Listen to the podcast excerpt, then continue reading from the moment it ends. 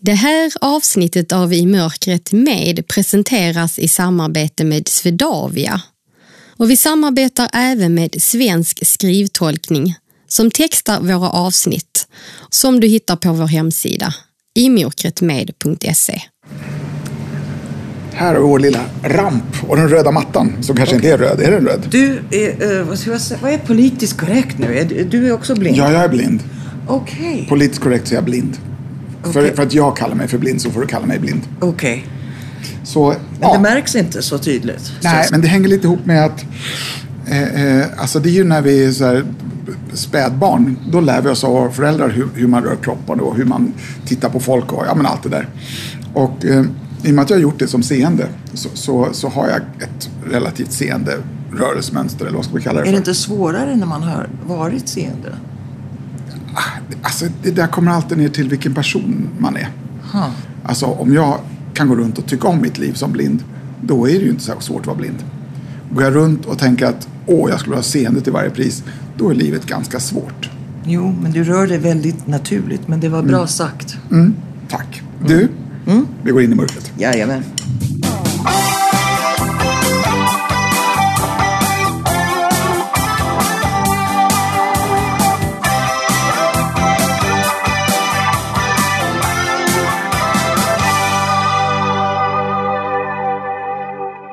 Välkommen till I mörkret med. Jag som pratar heter Anna Bergholtz. Och jag vill börja med att tacka vår huvudsamarbetspartner Swedavia som varit med oss från starten av I mörkret med. Och längre fram i det här avsnittet kan du som vanligt höra ett inslag om deras viktiga arbete med att alla ska kunna resa. Du kan också läsa mer om Swedavia på vår hemsida imokretmed.se. Vill du som lyssnare stötta vårt arbete med I mörkret med så gör oss gärna en tjänst och gå in i din podcastapp och betygsätt oss. Och där kan du också starta din prenumeration på I mörkret med om du inte redan har gjort det. Nu till dagens gäst. Några dagar efter inspelningen av det här avsnittet fick jag ett mejl av Ulf där han skrev att han fortfarande var så berörd och tagen av det här mötet. Som barn drömde hon om att bli läkare och istället blev det 30 år i fängelse. Först 28 år på amerikansk mark och därefter två år i Sverige. Vi pratar om barndomen och om 60-talet och om vad som egentligen hände och varför hon blev livstidsdömd för dubbelmord. Det handlar också om tiden i fängelset och om att hitta ljuset i mörkret och om livet idag som fri. Ulf Nordqvist bjuder på livemusik och ljudtekniker är Jan Dahlqvist. Hundarna räddade mitt liv. Det här är I mörkret med föreläsaren och före detta livstidsdömde Annika Östberg. Det är väl en twist att du leder mig. Ja, jag vet och det är underbart här. Jag har ju liksom inrättat mitt liv så att jag har ett ställe där, där jag som blind ledsagar seende hela Gud tiden. vad läskigt. Ja, men vet du det vad? här är din värld alltså. Ja, så här är, är det för mig. Jävlar. Vet du, jag blundar. Jag vet inte vad Gör det. det. Det kan du göra. Nu går du upp på en matta. Okej. Där borta har vi Anna vid ett bord alldeles strax. Som du ska få sätta dig mitt emot. Försiktigt. Hej Annika! Hej. Hej! Och så lite mer mint håll bara så du inte går rakt in i bordet. Där är bordet ja. Kan jag lägga min käpp rakt ner på golvet här? Ja, det kan du göra. Okej. Men det här är Fick du ner det? skitläskigt. Det här blir bra. Du Okej. Jättevälkommen. Annika? Hej! Hej, nu ska jag se om jag hittar din hand. Här, hej! Hej. Jag är jätteglad att du är här. Ja, det här är verkligen... Vilken grej. Det är lite spännande och skrämmande och ja. Är det första gången du gör någonting sånt här? Ja, i mörkret. Jag, menar, jag har ju gjort podcast förut, men ehm, inte så här. Och du har inte varit på Svartklubben förut heller? Nej, det har jag restaurang. inte. Visste inte att den fanns. Men eh, när jag berättade för några stycken så sa de, ja, jag har hört talas om den där. Så, ja. Och är det jättepopulär kan jag tänka. Det är så Ja. ovanligt. Nu Ja. öppnar jag en läsk här, så ifall du undrar. tror att eh, Ulf kommer komma in med lite saker sen. Men du ska få börja och berätta vem du är. Ja, jag heter Annika och jag har väl eh, blivit känd, eller ökänd kanske, på grund av att jag har suttit i ett amerikanskt fängelse väldigt, väldigt länge. Eh, 28 år specifikt, två år till här hemma i Sverige, sammanlagt 30 år. Eh, och kom hem 2009. Blev helt frisläppt från kriminalvården 2011. Och sen dess så, ja, har jag byggt mitt liv och ja, nu mer eller mindre så lever jag Svenssonlivet kanske man kan säga, men eh, fast jag kommer nog aldrig att riktigt bli Svensson. Vad är Svenssonlivet när du tänker ja, på det? Ja, det är väl en, en villa, eh, en, eh, kanske en husvagn, en hund och liksom eh, jobba hela livet till pension. Ja, leva lite mm, under pensionen och släkt och vänner och barn och barnbarn och hela det där köret. Så den biten har jag ju inte. Och pensionär, jo det kommer jag nog att bli, men pension kommer jag inte att få. Så, ja. Ja, vi ska ju komma in lite mer på, på eh, både din framtid och också vad som har hänt tidigare. Men eh, när skulle du säga Annika, att, eh, när trivs du som fisken i vattnet? Ute i skogen med mina hundar. Ja, det var snabbt svarat. Ingen Ja. tvekan. Nej, Vad är det som gör att du trivs bäst där? Det är så lugnt och så... Det är ett djup i skog. Jag älskar träd. Jag, jag tycker att träd har en själ. Alltså jag är en trädkramare, bokstavligt. Jag går ut i skogen och ibland så lägger jag båda händerna på träden och jag bara känner deras energi. Det är så djupt och så tungt och så evigt. Och hundar, ja, de är bara glada i stunden och de struntar i hur man ser ut, hur gammal man är, vad man kan, inte kan. De är bara kärlek. Vad gör dig rädd? Rädd? Oj, ja, framtiden. Min egen framtid och världens framtid. Alltså, jag brukar säga att jag är, jag är glad att jag är så pass gammal så att jag behöver inte vara kvar och se resultatet av vad vi har skapat. Eh, För det kommer ju att bli katastrof med miljön och med vår människosyn på varandra och alla krig och ja, nej. Jag ser inte mycket hopp och jag blir väldigt ledsen över ungdomar som inte ser hopp. Jag menar, jag, jag kommer ju från den där 60-talsgeneration där vi var liksom immortal och vi skulle, vi skulle ändra hela världen och, och vi var ju övertygade att självklart skulle vi göra det. Sen sa du också att du var rädd eh, för din egen framtid. Ja, jag har ju ingen pension. Alla tror ju att det är självklart, du har ju svensk grundpension. Nej, man måste ha bott i Sverige i 40 år för att få en grundpension. Så jag får en fyrtiondedel för varje år jag bor i Sverige. Sista orangea kuvert jag fick låg jag på 2000 kronor före skatt. Och vad tänker du kring det? Ja, jag jobbar ju heltid nu, men det jobbet tar slut när jag fyller 65, vilket är i januari. Så du vet, när man fyller 65 nu för tiden så ska man ju bara snällt kliva in i kistan och lägga sig. Så är det tyvärr. Eh, Om vi vänder på det lite, om du skulle haft superkrafter och du skulle kunna göra precis vad som helst. Vad skulle du göra då? Vet du, jag var en väldigt konstig eh, flicka när jag var liten. Alla mina kompisar ville vara mammor och, och sjuksköterskor och flygvärdinnor. Och, men jag ville bli en doktor. Alltså om jag kunde så skulle jag ställa om, gå tillbaka till skolan och studera och bli läkare. Vad är det som är lockande i det då? Att bli läkare? Att kunna hjälpa folk, det är intressant, fascinerande. Jag tycker kroppen är väldigt intressant. Eh, och sen att kunna, kunna göra en, en insats för, för människors skador. Och, ja, Men det blev aldrig så? Du, tyvärr, det blev aldrig så. Tänker du ofta på det att du skulle vilja spola tillbaks tiden och göra om saker och ting? Nej, jag slösar inte energi eh, åt det. Det är klart att ibland man ser saker så tänker man, åh, jag önskar om bara. Eh, när våren kom och alla unga flickor var ute i sina vårklänningar och ute och dansade och ja, bara såg fin ut. Och jag tänkte, åh, vad mycket jag har missat.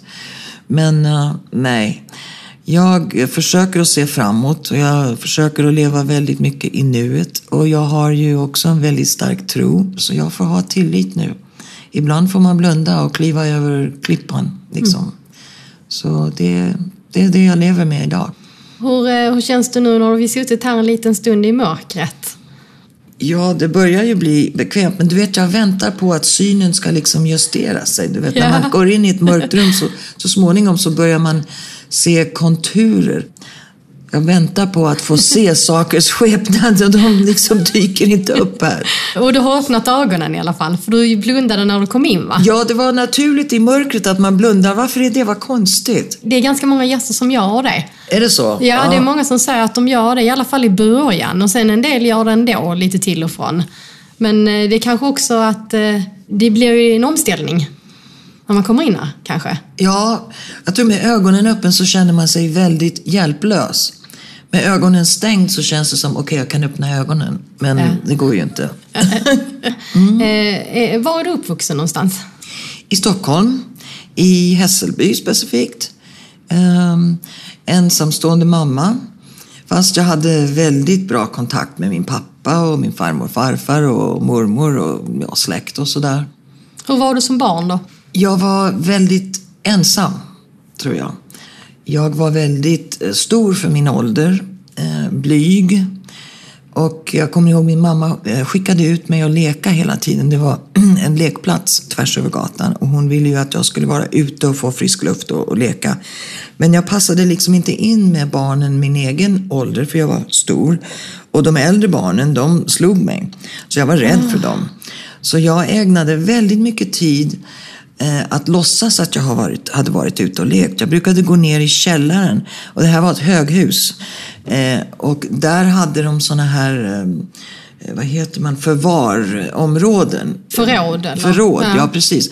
Det var långa korridorer och framsidan på alla de här båsen, liksom, de hade sån här, vad heter det, nät. Så man kunde se in i, och jag jag pratar mycket med mina händer så jag slår ju i saker hela tiden. Jag hör nästan det att du gestikulerar och ja, det är härligt. ja, nej, så jag brukade gå och, och, titta och sen byggde jag liv för dessa människor. Liksom, vem de var, vad de gjorde, de kanske var spioner eller ja.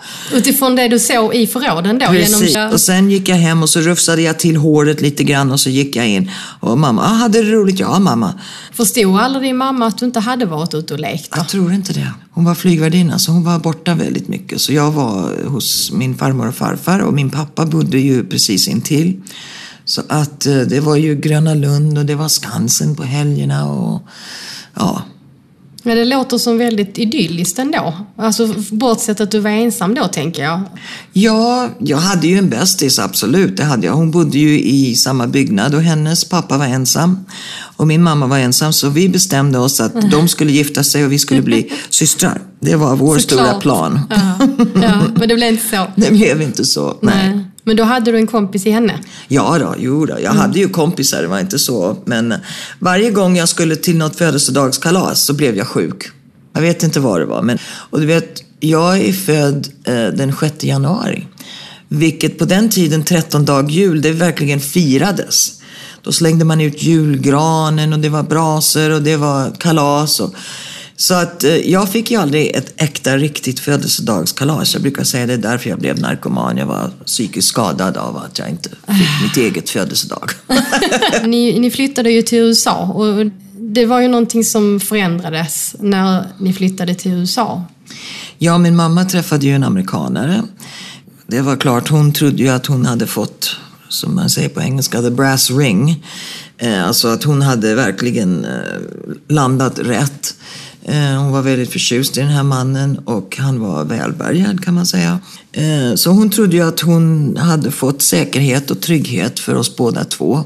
Men han var mycket äldre eh, och väldigt rigid, alltså väldigt begränsad. Han förstod inte ungdomar och han var inte beredd, tror jag, på att ha ett barn eller en nästan tonåring i, i sitt liv. Hur gammal var du när ni flyttade dit?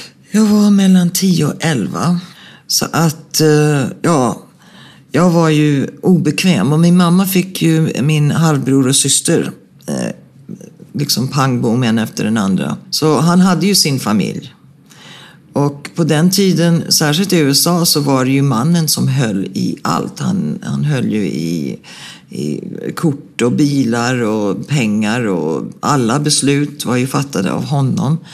Så det blev ju inte så bra. Jag, blev ju skickad till en privatskola Eh, och det var ju väldigt sån där, jag brukar säga, det var en sån där snofsig skola. Eh, allting skulle ju vara så himla rätt. Det var ju oerhört viktigt att man hade samma kläder och samma märken på kläder. Även då var det ju en märkesvärld för ungdomar. Och det gick ju inte min styvfar med på. Alltså, jag kommer ihåg, det var, vi hade ett jättestort bråk över, på den tiden var det väldigt poppis med de här vita go-go boots. Eh, och det skulle man absolut ha. Men det var inte bara vilka som helst, utan det skulle vara ett visst märke. Ja, först och främst blev det bråk om jag även skulle ha dem. Men sen då tyckte han att den billigare var lika bra, så jag fick inte. Så det var ju lika bra som att inte ha några alls. Det var värre till och med.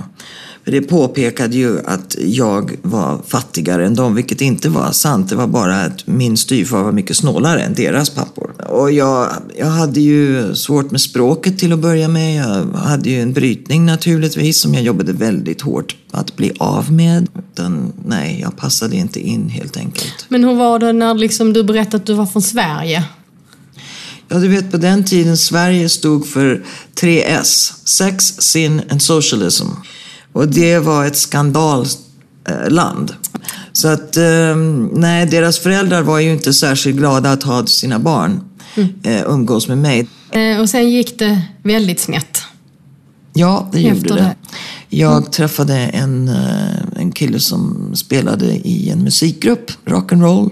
Mm. Och ja, han fick mig att känna mig väldigt speciell och, och, jag tror sedd och lyssnat på och uppskattad. Alltså, jag visste ju inte att jag var fin. Jag trodde jag var ful för jag blev behandlad så i skolan. Och han började uppvakta mig och det tyckte jag var väldigt spännande. Men han var tyvärr 24 år gammal. Och nu och du var hur gammal? 13. Så det var ju inte så bra. Min mamma fick reda på det här och ja, hon, eh, ja, hon försökte att stoppa oss från att träffa varandra och det var då jag stack hemifrån. Ja, då landade jag i San Francisco, i hippiekulturen och droger och experimentera. Så det var... 60-talet var ju ja, någonting väldigt eh, speciellt. Ja, man skulle ju komma i kontakt med sig själv och med universum och meditera och till hjälp för det så hade man ju LSD och hash och allt möjligt. Mm. Så att eh, droger blev ju en del av livet väldigt, väldigt fort. Men förstod eh, du inte hur farligt det var? Eller? Nej, det fanns väldigt lite information. Eh, och det som fanns var ju helt hysteriskt och fel. Så nej. Och din eh, mamma då, hur försökte hon att få hem dig igen? Ja, det är klart att hon gjorde, men eh, hennes man höll ju i, i pengar och eh, hade total kontroll över henne och vad hon fick och fick inte göra. Eh, det är klart, de anmälde ju mig till polisen.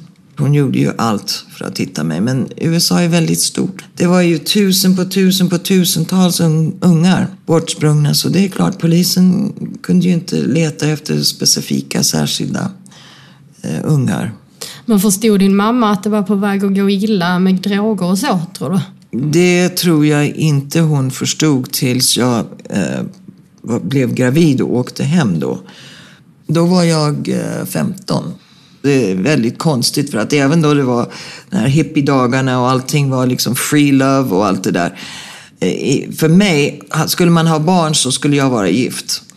Eh, så det är väl en typiskt eh, tecken på precis hur konflikted jag var. Att jag ville ha hela hippie-tänkandet men ändå, när jag väl skulle föda barn ville jag vara gift. Så att eh, jag fick vänta tills jag fyllde 16 för att även min mamma kunde godkänna att jag gifte mig. Hon ville ju att jag skulle göra abort och stanna hemma. Så att det var ju absolut fel väg att gå med mig. Så jag stack därifrån så fort som, eh, som jag var gift. Och gravid då ja. Ja. Vi ska fortsätta prata vidare alldeles strax Annika. Eh, vi ska släppa in Ulf lite. Det luktar gott i alla fall. Men jag tror inte det är, det, det är kvällens mat va, som En luktar. skål där och en skål där. Du kan väl börja i vilken du vill egentligen. Är det bestick eller är det... Nej, det är med händerna. Mm. Okej. Och jag tror det är, du doftar här nu, det är kvällens mat va? Som lagas av kocken va? Ja, Och en är förberedande inför för he, hela veckans mat så att säga. Så de, de håller på och förbereder bara idag. Det är choklad. Det är choklad till dig ja. Okej. Ska se om du kan smaka vad det är för något. Vad det är för smak.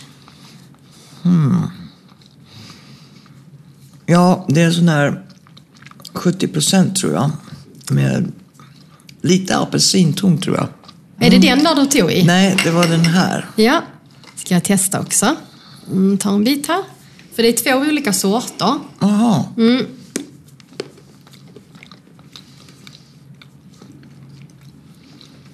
Du tyckte du smakade lite apelsin? Mm. Det är det inte kan jag säga.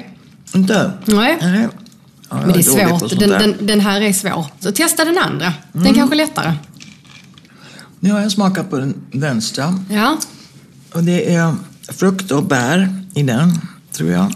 Eller eh, Det är nötter. en frukt. Det är frukt. nötter. Nej, det är inte. Mm. Inte? Nej, det är frukt i jag alla fall. att det var någonting Ja. lite knaprigt. Det är frukt, men jag kan inte säga vilket det är. Vad konstigt. Ja. Hur mycket vi äter med ögonen. Nu kan att man kanske inte kan se på chokladen i alla fall, men man ser på förpackningen. Så då vet man ju innan man stoppar i sig vad det är för Vad någonting. man har att förvänta sig, absolut. Mm. Vill du veta svaret Annika? Ja. Eh, Den första du stoppar i dig då, mm, det är blåbär i den. Okej. Jag skulle aldrig kunna gissa att det heller. Som är ganska van vid att äta utan syn då. Eh, Och sen den du precis testade, som Mm. du sa var frukt och det är rätt. eh, Det är päron. Päron, okej. Ja, ja. Kan du ja nu matcha kan jag, ihop det nu? Jo, nu kan jag matcha ihop det, absolut. Mm. Ja, det är väldigt gott i alla fall. Du berättar ju att eh, du stack hemifrån sen igen i alla fall och då var du gravid. Ja, jag eh, tände ju av under min graviditet. Jag födde min son som jag kallade Sven. Eh, men eh, jag var ju, gick ju tillbaka till eh, den här killen och knarket rätt så fort. Så att eh, jag var eh, ja, heroinberoende, eh, gick på gatan, prostituerad i flera, många år. Men när min son var ungefär två då bestämde jag mig att nej, men jag skulle göra en förändring. För jag ville inte att han skulle vara med i den här världen eh, som jag levde i då. Eh, så jag bestämde mig att hitta en respektabel man och gifta mig och det gjorde jag. Så då eh, levde jag liksom ett någorlunda normalt liv. Om man ska förkorta allting Ja. väldigt mycket. Ja. Eh, I ungefär sex år. Men eh, det tog slut i 1980 och i början av 81 så träffade jag en, en man. Och när det tog slut så, så tog jag återfall. Jag gick tillbaka till att knarka. Jag träffade en langare, blev involverad med honom. Men han ville inte att jag skulle tjäna pengar, mitt vanliga sätt, det vill säga eh, prostitution.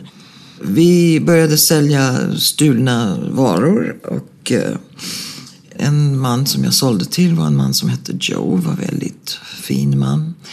Han ägde flera restauranger. Eh, och jag bokade en träff med honom. Men jag tog den här nya killen med mig.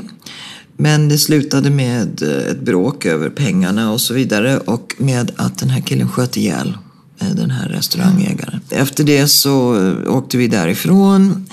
Jag ville träffa min son eh, innan, för jag förstod ju att mitt liv var över. Eh, och jag förstod att jag skulle aldrig mer kunna vara med min son, men jag ville liksom se honom en sista gång.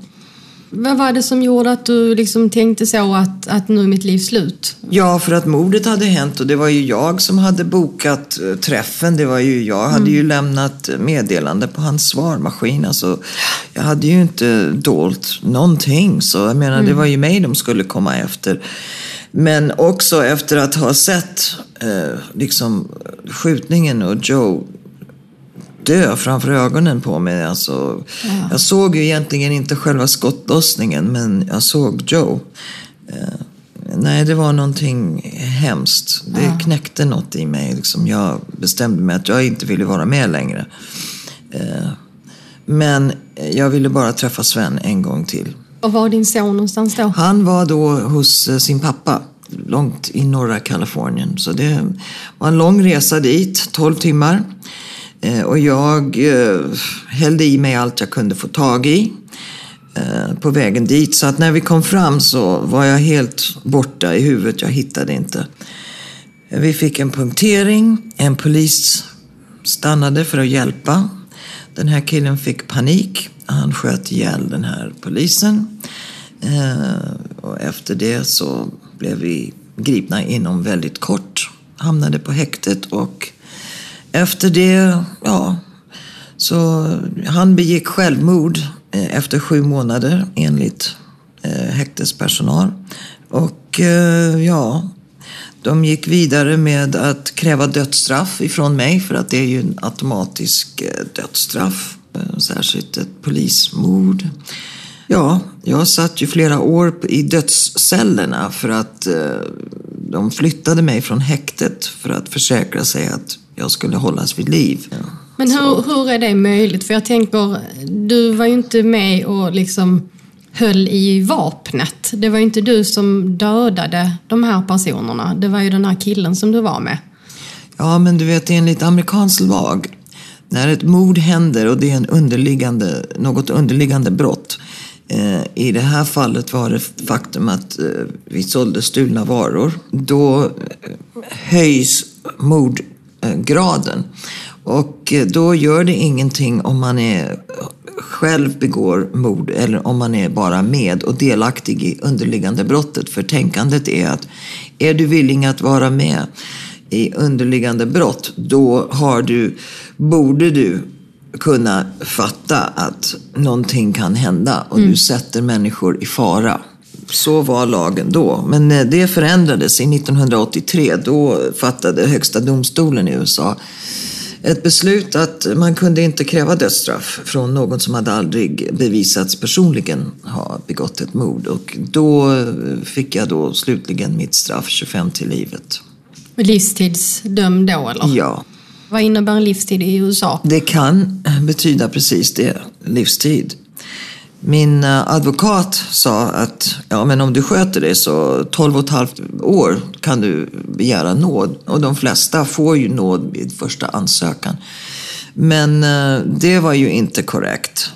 Och det kom jag ju att förstå väldigt fort efter jag landade på, på anstalt och började prata med mina medfångar då.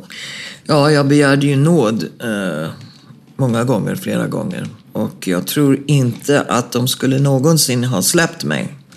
Jag blev ju nekad gång på gång på gång. För att det var ett polismord. Och särskilt eftersom eh, där är det så att de eh, anhöriga till eh, offret har rätt att delta. Och de var ju delaktig i processen när jag begärde nåd. Så Får de tycka till då? Ja, absolut. Det, deras ord är det sista som den här panelen hör innan eh, de går ur rummet och ja, eh, funderar på vad deras beslut skulle, ska vara. Det är ju som en rättegång egentligen, igen. Var du med Ja, också då? ja. Och eh, jag menar, vad, försökte du då säga någonting till de här anhöriga? Nej, man får, jag får inte säga någonting. Jag får inte ens en gång titta på dem. Eh, Jag Men varför får man inte titta på dem? så att de inte ska känna sig hotad Ah, eller rädda. de kunde inte låta dig få nåd då eller? Nej, nej, nej, nej. de ville se mig dö där. Absolut. Vi ska prata vidare eh, om tiden i fängelset också. Eh, jag ska släppa in Ulf med lite musik först. Ljuset det är släckt Äventyret väckt Nu lämnar vi den synliga ytan Här finns ingen jäkt All doft och det du hör Smaka, känn och rör. Låt andra sinnen sända impulser när synen inte stör.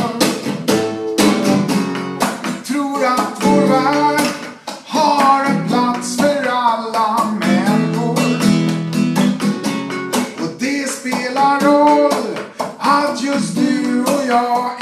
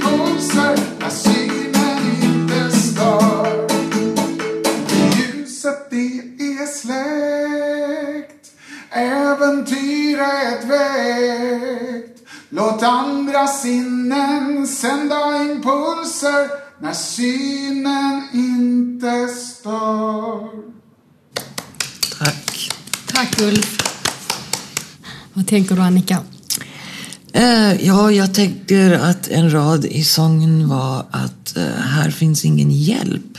Och jag tänkte på när du berättade om det här, att i mörkret med.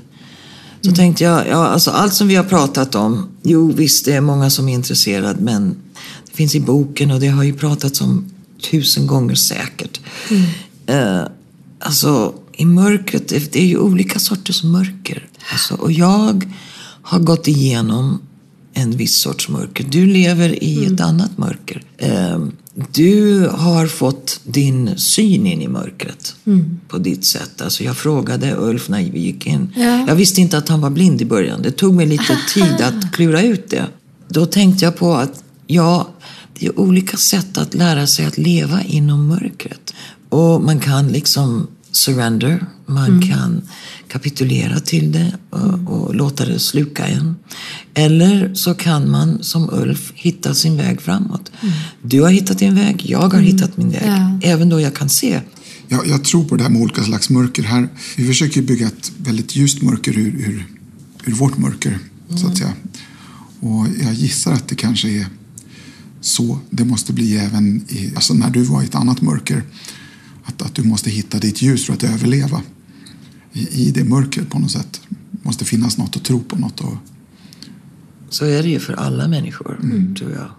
När man förlorar det där lilla ljuset, den strimlan någonstans, då är man förlorad. Men du Annika, jag tänker innan vi ska komma in på det hur det har varit för dig, liksom att hitta ljuset i mörkret och, och ta dig vidare och ditt liv idag. Alltså jag tänker att alla kanske ändå inte har hört eh, hur det var i fängelset. Att, kan du ge en bild av hur en, hur en vanlig dag kunde se ut? Ja, när jag först kom dit, ehm, då var det ju, det var byggt för 950. Eh, det var väl ungefär 800 där då. Och tänkande på den tiden var rehabilitation och, och så vidare. Det var mer liberal tid och vi fick ha lite egna klädplagg och blev tilltalad vid förnamn och så vidare.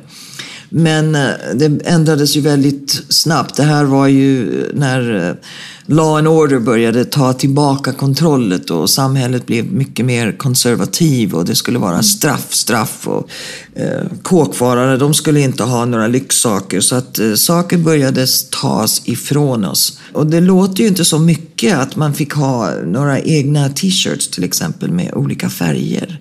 Men när alla eh, till slut bär på grått och blått liksom, och hela världen kommer ner till eh, ytterst, ytterst väldigt små personliga saker så eh, höjs värdet på dessa små prylar otroligt mycket. Det blir en konstig, eh, konstig värld. Det började bli hårdare, mer och mer straff, längre straff.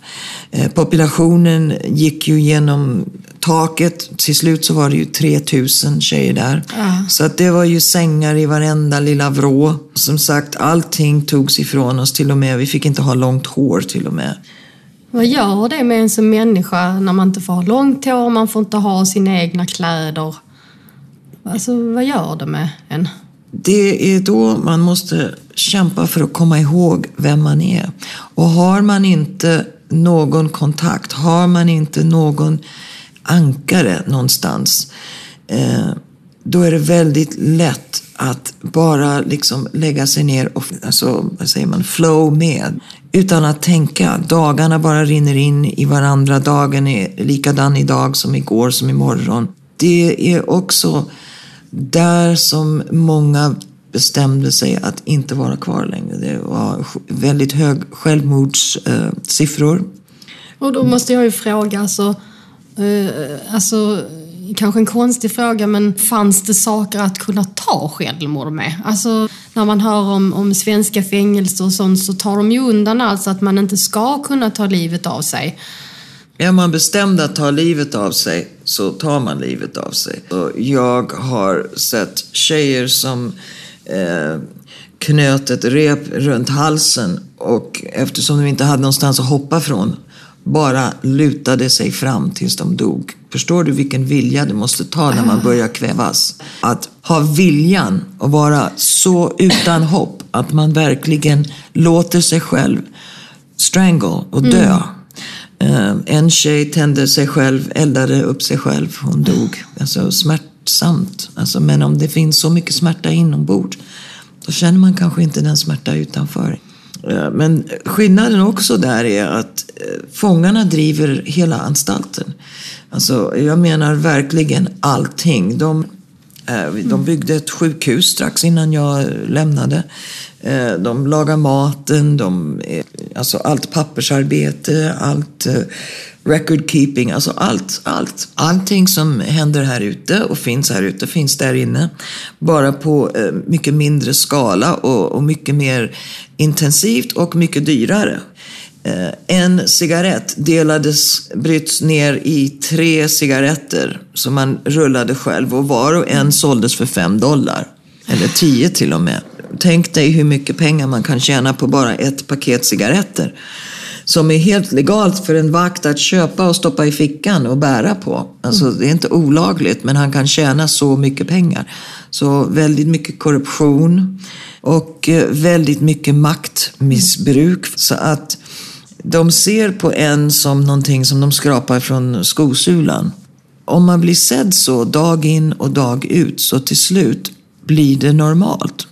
Då accepterar man den visionen av sig själv om man inte har en kontrabalans. Eh, och då måste man hitta den inom sig själv. Men även de bästa och de starkaste tror jag inte kan hitta det totalt inom sig själv. Utan mm det krävs kontakt, mänsklig kontakt. Om det då är med, medfångar eller om det är någon från utsidan. Och man tappar begreppet om tid. Ibland kunde det vara en vecka verkade ett år.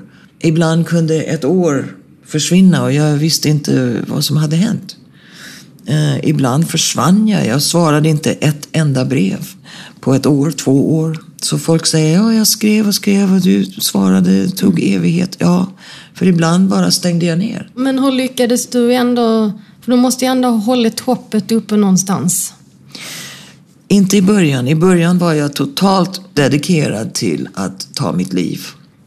Men jag fick någonting här hemma, tror jag, i grunden jag fick ifrån eh, min farmor och farfar och pappa, alltså min släkt. Min mormor var en otroligt stark kvinna med fötterna på jordet. Hon var vad som mm. hette på den tiden en skurkärring. Hon, hon tvättade trappuppgångar i Stockholm. Jag fick någonting fantastiskt starkt inombords ifrån dem. Jag kallar, kallar det min moraliska kompass, det kanske är fel ord. Men det är något glödande, levande som drar åt rätt håll. Även när jag gick totalt åt fel håll så kände jag den där eh, dragkraften. Alltså det var alltid ett konflikt när jag bestämde mig att ta livet av mig. Men det kom väldigt nära några gånger kan jag säga. Särskilt efter min son dog. Jag menar det är ju fruktansvärt. Alltså att, att det hände också. Ja, det tog mig en lång tid att börja hantera det och egentligen så började jag inte sorgprocessen tills jag kom hem. Jag stängde ner, jag var, jag var rädd för att ta tag i det. Jag var rädd att jag totalt skulle sjunka ner i mörkret och inte kunna ta mig eh, upp igen. Och det är där som min tro blev ju formad eh, på 90-talet. Eh, och det var där som jag fick bevis på att det verkligen finns en Gud. Och om det då så finns en Gud, även om jag är arg på honom, och det är jag, mm. så måste jag acceptera att det finns en orsak också. Även för all galenskap. Eh, jag brukar säga, jag, jag har några frågor jag tänker ställa när jag kommer dit. Jaha.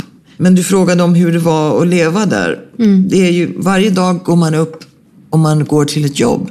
Så man liksom har ett liv. Det är möjligt att leva ett liv. Okej, okay? eh, idag ska jag göra det här på jobbet och sen eh, till helgen så ska jag spela baseball eller kanske det var någon film på tv som man ville se. Man kan titta omkring och bestämma men jag vill byta jobb, jag vill jobba här, ja, vad måste jag göra för att komma dit? Och, eh, och sen ser man fram till helgen eller till något besök. Eller, och svenska fängelser, alltså där sitter man. Jag frågade när jag kom till Hinseberg, vad, vad finns det för jobb här? Jo, de hade en industribyggnad, sa de. Jaha, vad gör ni där då? sa jag. Ja, vi räknar skruvar. Då satt de liksom och stoppade små skruvar i plast, såna här små plastpåsar. Eh, och aldrig fick de umgås med någon på någon annan avdelning. Så hela ens tid, mer eller mindre, så får man bara träffa kanske tio tjejer. I USA, där släpps alla ut på en och samma gång. Alltså, så det kan vara upp till 2000 tjejer ute på gården. Visserligen så är det eh, vakttorn med, med M16s, men alltså ändå. Så det är väldigt mycket eh, ett samhälle. Jag hade en väldigt nära relation med ett, en grupp kvinnor. Kvinnor formar familjegrupper. Så att eh, jag hade en familj liksom, som jag byggde. Och familj för mig är inte i blodet, familj är i själen. Och eh, vi höll varandra upp också. Så att mänsklig kontakt är så oerhört viktigt. Alltså jag hade ju eh, två långa relationer med kvinnor där. Det är ju en helt annan sak när man har en kärleksrelation och man vet att på denna dag, detta år, så kommer det vara slut. Man blir mycket mer medveten om värdet av eh, personen, av relationen. Och små saker, man fastnar inte i dem. Nej, man tar, man tar vara och värde på de dagar som finns. För att man är alltid medveten om att en dag så kommer den här personen inte att vara här. Och sen måste jag ju fråga Annika, för att jag läste ju också att du satt ju i samma fängelse som de här Manson-kvinnorna. Mm. Nu till vår samarbetspartner Swedavia, det statligt ägda flygplatsbolaget som äger och driver tio flygplatser runt om i landet. Och här Håkan Sevegran, ledsagare på Arlanda. Vad är viktiga egenskaper hos en person som ledsagare och jobbar med assistans, skulle du säga? Det är väl några grejer som sticker ut och man behöver ju ha en grundläggande värdering i att man vill faktiskt hjälpa till. Och sen så tror jag att man behöver vara ganska tålmodig och, och stå med båda fötterna på jorden för att på det sättet hantera situationer. Det kan vara stressigt på en flygplats och speciellt om man har någonting som gör det lite jobbigt att resa så kan det bli lite extra stressigt. Och det måste man ha förståelse för. Jag fick ju berättat för mig att Swedavia har ett samarbete bland annat med Spinalis och då kommer det ju ibland hela gäng. De ska åka iväg, har ryggmärgsskador allihopa och det är rullstolar och så. Hur löser ni det? Det kan vara allting ifrån 10 upp till det mesta jag har varit med om är 27 olika assistanser. Och då var det ganska trångt med rullstolar på eh, bryggan ner till själva flygplanet. Men eh, då, då, får man ju se till att det är så pass mycket människor där så att vi kan hantera det. Eh, och det är en viss logistik i att eh, lyfta av människor och rulla av dem ifrån flygplan för att sen träffa rätt med rätt rullstol i rätt tidpunkt för att sen ta dem vidare ner till bagagehallen. Och då får ni reda på i förväg så att ni kan planera logistiken? Ja, de beställningarna görs ju generellt sett ifrån organisationen som beställer resan via våran koordinator och sen fördelar koordinatorn arbetet då på oss, till oss som gör själva arbetet ute på, på golvet. Så om man eh, till exempel är ett gäng personer med synnedsättning och man vill resa tillsammans så är det inga problem? Nej, inte alls. Jag, hade, jag tror jag hade nio stycken som kom in ifrån Danmark som skulle vara med på någon form av konferens för synskadade i Stockholm. Och det löste jag själv med hjälp av de synskadade för vi gick på tåg igenom, faktiskt här utifrån F4 hela vägen in genom eh, bagagehallen och ut till en väntande taxi snedstreck buss. Då. Vi tappade väl två tror jag på vägen men de sa till ifrån direkt. nu har vi två på efterkälken så vi fick, vi fick stanna upp. Men så fick vi igång tåget igen och så gick vi hela vägen ut. Så det gick alldeles utmärkt. Och du har ju skrivit väldigt fint om dem. Jag menar det är ju många som känner till eh, de här hemska bestialiska morden ju. Men du blev ju faktiskt vän med de här kvinnorna om jag förstått rätt. Ja, det har du. Alltså det finns ju många hemska, hemska brott mm. bakom mm. eh, murarna. Och det händer ju hemska, hemska saker i människors liv. Så att det finns alltid någon orsak. Inte att det finns en bra orsak. Men för att förstå just de morden måste man egentligen förstå 60-talet. Tänkandet och också nu har de kommit fram till kult och hjärntvättningsprocessen. Eh, den psykiska biten och hur det går till. De här tjejerna var ju i ja, 15-16 när de blev involverade. De var ju 17-18 när de här morden hände. Och totalt under eh, Charles Mansons påverkan. Så att eh, man får titta till personen också. Och ja, de, eh, Susan, som sagt, eh, hon var den första jag träffade. Eh, för att jag ville träffa någon som hade levt igenom lika länge som jag trodde mitt straff skulle vara i början då. Och det, då hade hon suttit i 13 år. Men hon dog ju strax efter jag hade kommit hem i 2009.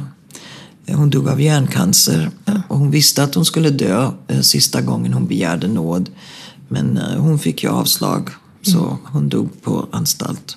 Mm. Men ja, man måste titta på tiden. Man kan inte bara titta på ett brott i, i liksom självstående. Det är ju många som har träffat mig som bara har, särskilt i början när journalister och så, när de hade läst polisrapporter och de hade läst eh, ja, om mig och sen träffade de mig och sa, men det här går ju inte ihop. Ja. Nej, det går inte ihop för att du har tagit mm. det där stunden för sig själv och det, det, det, går inte. Man måste ta helheten.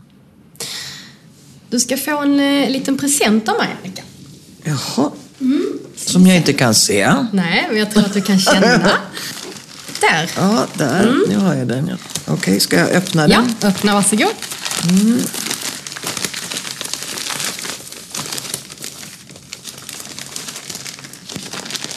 Jag kommer ihåg jag läste en gång en berättelse om en man som träffade en pojke som var blind och han försökte, eh, de målade och han försökte att förklara för honom färgen blå.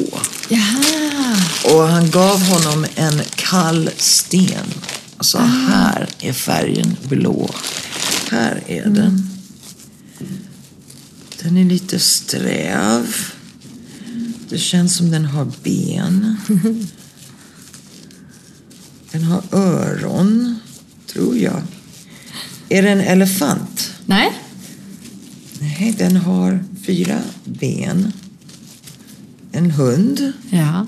Ja. Om du klämmer lite på den. Ja. Ja. Och den här får jag hålla ifrån mina hundar. Eh, varför tror du att du har fått den då? För att jag älskar hundar, hoppas jag. ja, och du jobbade ju med hundar också i fängelset. Ja, de räddade mm. mitt liv kan jag säga. För att sista gången jag begärde nåd, då var den här polismannens dotter, det var hennes tur att uttala sig. Hennes mamma hade ju varit där tidigare. Men alltså det där knäckte mig, att, att lyssna på henne och höra hennes smärta och ilska. Och, Alltså jag tänkte nej, fy fasingen, jag orkar inte mer. Mm. Men då kom ju hundarna in i min värld och jag fick träna servicehundar. Vad hände då med dig? Alltså det gav mig en orsak att leva, att gå vidare, att bara att klappa en hund, att ha den här levande varelsen med ögon som är totalt öppna och kärleksfulla och tillitsfulla. Att titta på mig och ja, det var en fantastisk upplevelse. Och jag fick ja, träna många hundar. Men tyvärr så fick jag ju släppa dem så småningom också. Och det är ju därför som mina hundar betyder så mycket för mig. För jag behöver aldrig släppa dem. De kommer att vara med mig tills vi alla dör. Men trodde du det när du satt i fängelset och jobbade med hundarna där att du någon gång skulle få ha två hundar själv en gång? Som Nej, inte... det trodde jag absolut inte. Jag, det Nej. var det enda riktigt önska jag hade i hjärtat. Alltså jag hade slutat önska mig hem eller fri eller vad som helst. Utan jag ville bara få behålla en hund utan att behöva ge bort den. Och jag, jag tänkte ju, ja men du vet, det kom ju in folk och tittade på vårt träningsprogram hela tiden. Och då hade vi ju hundar i olika stadier av förberedelse. Så jag över, försökte övertyga dem att ja, men vi behåller en hund som kan allting som vi kan använda som en visningsexempel. Liksom. Men nej, det köpte de tyvärr inte. Eh, ve- Vet du hur det gick för hundarna sen? Då fick ni reda på någonting sen var de hamnade Ja, någonstans? en gång om året så hade de en återträff. Och de som hade fått hundarna, om de ville, fick komma in. Och vi fick träffa dem igen. Och det var en fantastisk upplevelse att se dessa hundar som man hade varit en del av deras liv. Visst, de kände igen oss, det gjorde de absolut. Men de var totalt fäst vid sin nya person och det var underbart att se. Det var servicehundar då, så de hjälpte personer med rörelsenedsättning, eller? Ja, precis.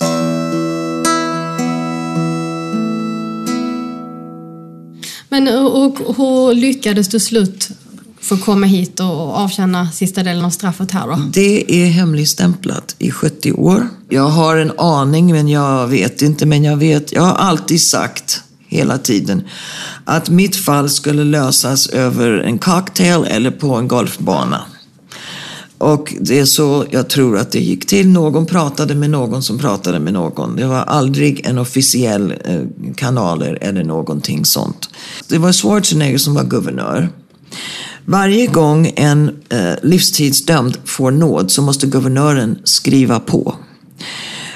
Orsaken att ge nåd är att personen har förändrat sitt liv tillräckligt att inte längre vara en fara. Men de använder ju brottet gång på gång på gång. Att en polismördare blir släppt, det är politisk självmord. Så här kommer svenskarna. Du, vi tar henne till ett annat fängelse. Du släpper henne bara till ett annat fängelse. Du behöver aldrig skriva på att du friger henne. Utan du bara flyttar henne från ett fängelse till den andra. Dina händer är rena. Allt är väl. Och det tror jag var en stor motivation till att han skrev på. Det är min egen tolkning. Nej, för att jag läste ju i boken här att eh, det var ju snabba puckar, du fick ju reda på väldigt snabbt och det var ju, du fick inte berätta det för någon. Eh, och, och du kunde egentligen inte pusta ut förrän du var ute ur eh, amerikanskt luftrum. Du flög ju till Sverige Nej, jag var, ju, jag var ju livrädd att hela tiden att de skulle... Alltså jag, jag gav dem så mycket makt att jag trodde att de skulle skicka upp eh, stridsplan och tvinga planet att vända i sista sekunden. Så rädd var jag. Men du beskriv känslan då när du förstod att nu är jag ute ur amerikanskt luftrum. Nu. Ja, alltså det var, jag brukar säga, det var som om en elefant klev av bröstet. Och jag visste inte egentligen hur tungt det hade varit. Alltså man kan ju leva med en tyngd tills en punkt där man blir van vid det. Det bara är det, som att ha ett par skor som, som klämmer åt och till slut så känner man det inte, man bara vänjer sig. Eh, så att när jag väl förstod att nu kan de inte sträcka ut armen och dra mig tillbaka. Liksom jag kunde andas. Då kände jag fri. Och jag, även då jag visste att jag var, skulle hamna på ett fängelse, möjligen livstid här i Sverige. Eh, Men som sagt, jag räknade mig som helt fri. Och så hamnade du på Hinseberg. Ja, Ja, alltså berätta hur det var den första tiden när du kom dit. Ja, det var väldigt litet, kommer jag ihåg. Det första, jag, jag, de satte ju mig på en eh, isoleringslägenhet, kan jag säga. Ehm, för att det var ju så galet. När, alltså, på vägen till, eh, från Örebro flygplats till Hinseberg Eh, Eh, alltså det var ju paparazzi som eh, var längs vägarna. När vi kom nära Hinseberg så slängde de sig på bilen och försökte att föra in kameror genom fönstren. Det, var- alltså det var galet. De låg i buskarna runt om med sådana här zoomkameror. Så det var helikoptrar som flög ovanför. Och jag fick ju inte ens gå ut. Och så satte de mig i vad jag ansåg var en lägenhet. Och jag trodde att det måste vara vakternas rastrum eller någonting. För det var ett sovrum och sen var det ett köksbord och spis och kylskåp. Och, och jag rörde ju ingenting. Eh, och de kom med mat, eh, kommer jag ihåg. Den andra dagen när de kom med mat så öppnade de kylskåpet och jag tänkte nu tittar de väl och ser om jag har rört någonting.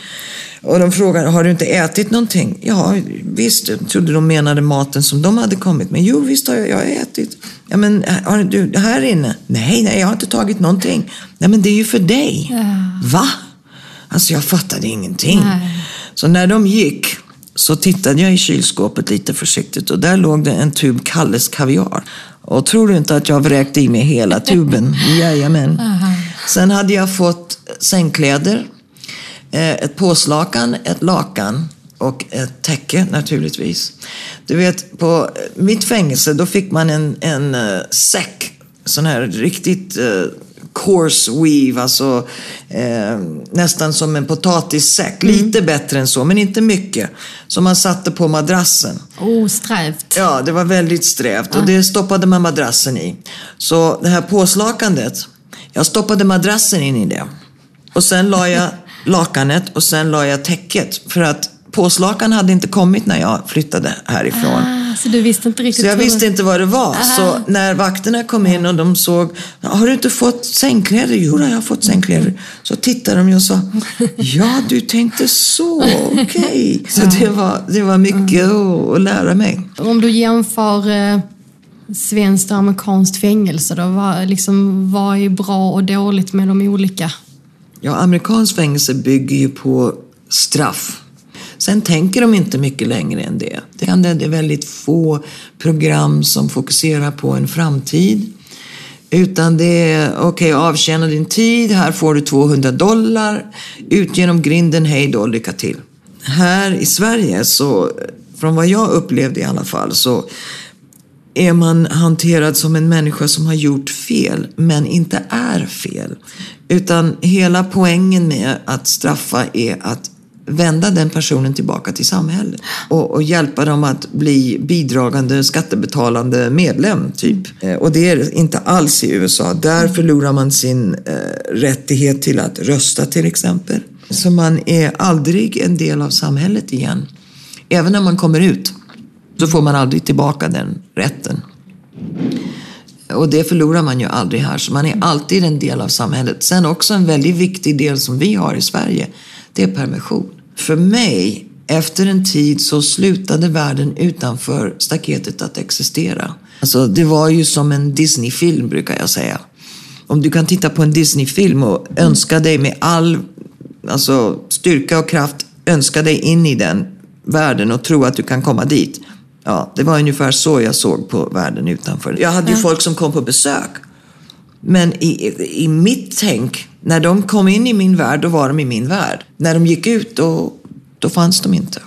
Alltså världen där ute, vad som, känslan av att ha någon plats i den eller att tänka sig där eller drömma sig där eller föreställa sig ett liv där. Det finns inte på kartan.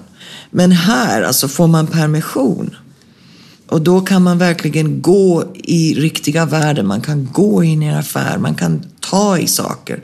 Det är en stor, stor skillnad och det är så viktigt. Jag tänker, hade det här hänt i, i Sverige om du hade varit med i någon som hade skjutit två personer så hade du ju inte behövt sitta så här länge i fängelse. Hade du ens behövt sitta i fängelse tror du? Jag träffade ju Hans Holmé tidigt. Han var väl eh, ja, polischef alltså, över hela landet mm. på den tiden. Eh, en, jurid, vad säger man, en advokat, en juridiksmänniska. Ja.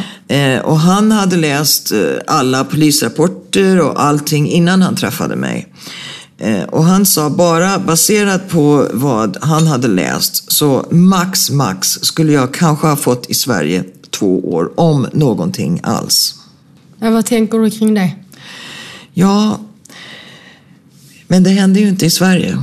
Eh, alltså, jag kan ju inte investera energi åt det. det. Det är sorgligt att det blev som det blev. Men å andra mm. sidan, hade jag fortsatt i det spåret som jag var när allt det här hände så skulle jag vara död nu. Jag tänker du som har en tro.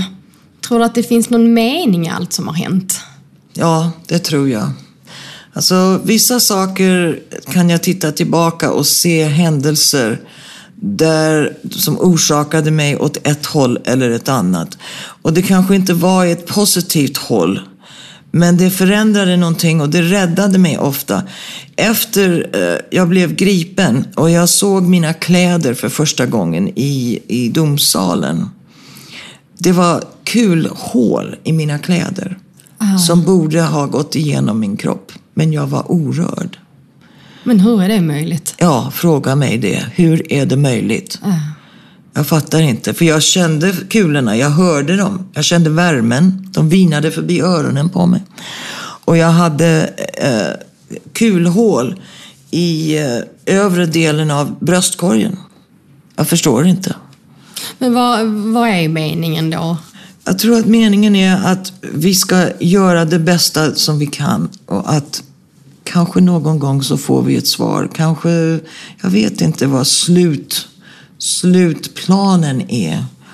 Men jag tror att Gud vill att vi människor lär oss att uppskatta denna värld och varandra och gör vårt bästa.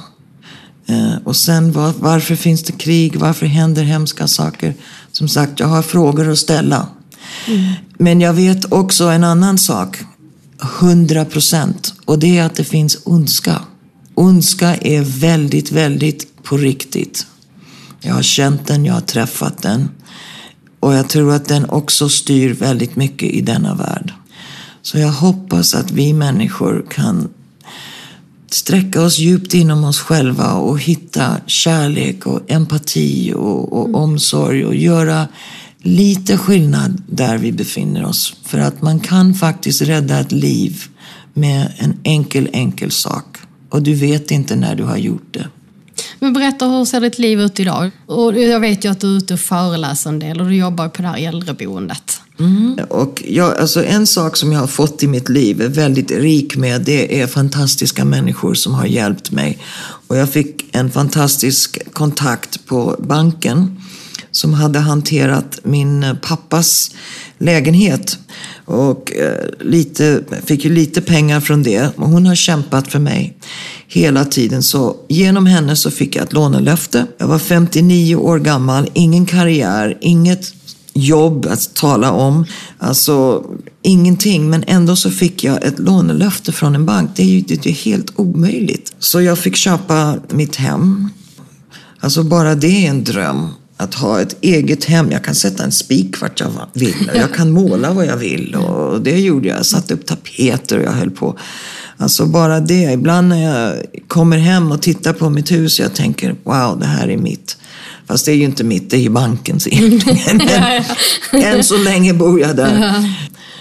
Och mm. eh, jag kör en Volvo. Gammal Volvo, men en Volvo. Mm. jag har mina hundar. Jag vaknar varje dag och går till jobbet. Jag har några underbara, underbara människor som tar hand om mina två hundar dagtid så de slipper hunddagis. Och jag är ute med dem så mycket, så mycket som, som jag kan. Eh, jag reser eh, rätt så mycket när jag föreläser. Kan vara överallt. Eh, jag brukar säga att jag har sett varenda lilla småstad i Sverige, särskilt genom kyrknätverket då, för jag har pratat i väldigt många kyrkor. Ja, och det, det är mitt liv idag. Eh, från början syntes du ju mycket i media, men sen har du ju också valt, eh, valt själv sen att eh, vara ute och föreläsa och dela med dig av din historia och så. Varför har du valt det? Jag kan inte sudda bort vad som har hänt, men vad jag kan göra det är att vända det till något positivt. Mm. Jag kan göra att det finns någon mening med så mycket skador, så mycket förlust, så mycket död, så mycket hemskheter kan jag ta det och vända det på, till något positivt och hoppas att det ger någonting. Det är allt jag kan göra med de åren och med allt som jag har varit med om. Vad tror du att, eh, att det kan ge till andra att du är ute just och berättar? Jag träffar så många människor som går igenom tuffa situationer i sitt liv som säger ja, jag lyssnade på dig och ja, nu ska jag ta nya tag eller du har gett mig nytt hopp. Jag pratar med föräldrar som har barn som är involverade i droger eller har andra problem. Eh, som ja, vill ha råd och jag sitter och pratar med. Ibland är det folk som bara har en tuff tid, som känner att ja, men, henne kan jag prata med för att hon kan ju inte döma mig efter allt hon har gjort. Liksom. Jag är lätt att prata med. Så att, jo, jag får väldigt mycket tillbaka när jag är ute. Mm. Ja, nej, men jag är alldeles säker på att du gör stor skillnad, Annika. Ja. Jag hoppas det. Uh, Ulf, jag ska bara fråga om du har någon fråga? Du sitter här och lyssnar. jag är väldigt tacksam för att du kom och ger oss din historia här. Och det du säger tycker jag är så starkt och bra och fint. Så jag, ja, jag är tagen. Ja, men tack för upplevelsen. Det har gått mig, gett mig nytt respekt. Vi ska köra lite snabbfrågor nu, Annika. Mm. Okej. Te eller kaffe? Te. Chips eller smågodis? Mm, smågodis. Spara eller spendera? Oj, spendera. Tyvärr. Okej. Hemmakväll eller utekväll? Hemmakväll. Prata eller lyssna? Oh, både och. Kan jag inte säga både? Jag tror, jag tror jag måste välja prata. Jag, pra, jag öppnar nog munnen alldeles för mycket. Jag skulle vilja bli lite bättre på att lyssna. Jag är en bra lyssnare. Men jag vill ofta hoppa in med tankar liksom, också. Eh, alltså globetrotter, resa runt eller sommarstuga? Sommarstuga. Det är inte så, så att oh, du reser runt en massa, ska uppleva en massa nu, när du inte har haft möjlighet att göra det innan. Nej, men jag, jag upplever varje dag liksom är ett äventyr. Och varje dag, jag, jag ser aldrig världen som du ser den. Även om du inte ser den. Nej, jag förstår. jag ser Ja. aldrig världen som du upplever den. Det kanske inte är så omedelbart och så nära nu som det var för fem, sex år sedan. Men det är alltid där, medvetenhet. När jag går in i en affär, att jag kan ta i saker. Att jag kan sätta på mig färger när jag klär mig. Alltså, det är alltid en medvetenhet. Eh, Tv-program, debatt eller idol? Och debatt. Eh, kött eller vegetariskt? Vegetariskt. Är, är du vegetarian? Nej, men jag borde vara för att jag tänker varje gång när jag äter en hamburgare på stackars kossan. Och jag försöker att köpa kött som är hemslaktad. Eh, barn eller vuxna?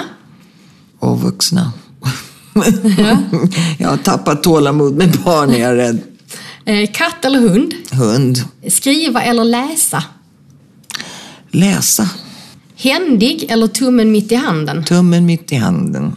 Mm, jag är en klumpelund, säger jag. Eh, och så sista, ljus eller mörker? Ljus. Jag har en god vän som tycker att det är så tråkigt. Hon älskar vinter och mörker. Och vi är tvärsom på den punkten. Ja, nej, men det är ju så olika. Jag har en mamma som hon älskar hösten och mörkret och, och jag tycker själv också om ljuset. Fastän jag inte ser det liksom. Det är, det är en känsla det där. Ja, men du känner väl när det är ljust? Gör du det? Ja, men jag gör det. Och jag har proteser på båda mina ögon så det där är ju en känsla i huden. Sen kan jag ju såklart känna att solen värmer i ansiktet. Ja, just det. Nej, men det är en känsla. Det är en känsla. Jag kan kliva in i ett rum och jag kan få en känsla av om det är liksom ljusa väggar och ljusa möbler och så. Kan du det? Vad, Ja. Det var häftigt. Ja. Ja. Avslutningsvis Annika, ska du få skriva i vår gästbok som jag har här. Som våra gäster som besöker i mörkret Utan med. ljus? Japp! Oj. Det är jag. Ja. Ja. och så ser du, där har du, ser du säger jag till dig, känner du där?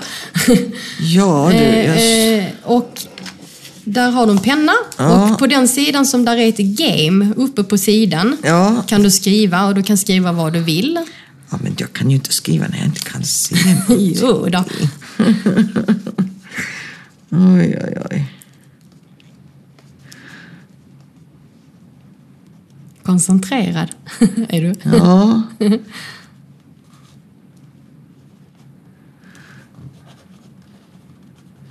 Ingen aning hur det här kommer att se ut. Vad har du skrivit då? Ja. Tack för en enlightening stund. Ja, vad fint. En lightning-stund, ja. ja. Hur känns det nu, Annika? då? Ja, det känns bra. Men eh, ja, det har verkligen varit en upplevelse. Någonting att tänka till om. Får Vad ta tänker lite tid att smälta det här, tror jag. Mm. Eh, och eh, glöm inte lilla hunden med dig. Jag tänkte att den eh, var till dina hundar. Leker de med Okej, leksaker? ja, ja, min lilla valpen hon slaktar allting. Men hon, hon har vissa som hon, hon har en nallebjörn som hon ligger med, sover i munnen. Alltså den är stor så hon ser rätt rolig ut med den när hon håller den i munnen. Vissa slaktar hon och vill ha ut allting som är inuti och vissa är okej. Så vi får se vad den här blir. Eh, Ulf ska avsluta med lite musik och sen ska du få hjälp ut i ljuset. Och Okej. Tusen, tusen, tusen tack Annika. Jag är jätteglad att du har varit här och delat din historia. Ja men tack, det var jätteintressant. Ja, jag tänker att eh, ja, du har verkligen gått din egen väg Annika. Så jag tänkte, jag brukar sjunga egna låtar men jag ska bränna av en, en, en lånad låt den här dagen. And now the end is near And so I face the final curtain Oh, my friends, let's say this clear. I state my case, of which I'm certain. I live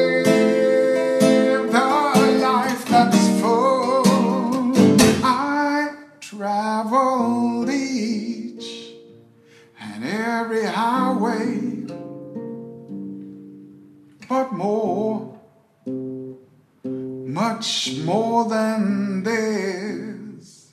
I did it my way. Regrets,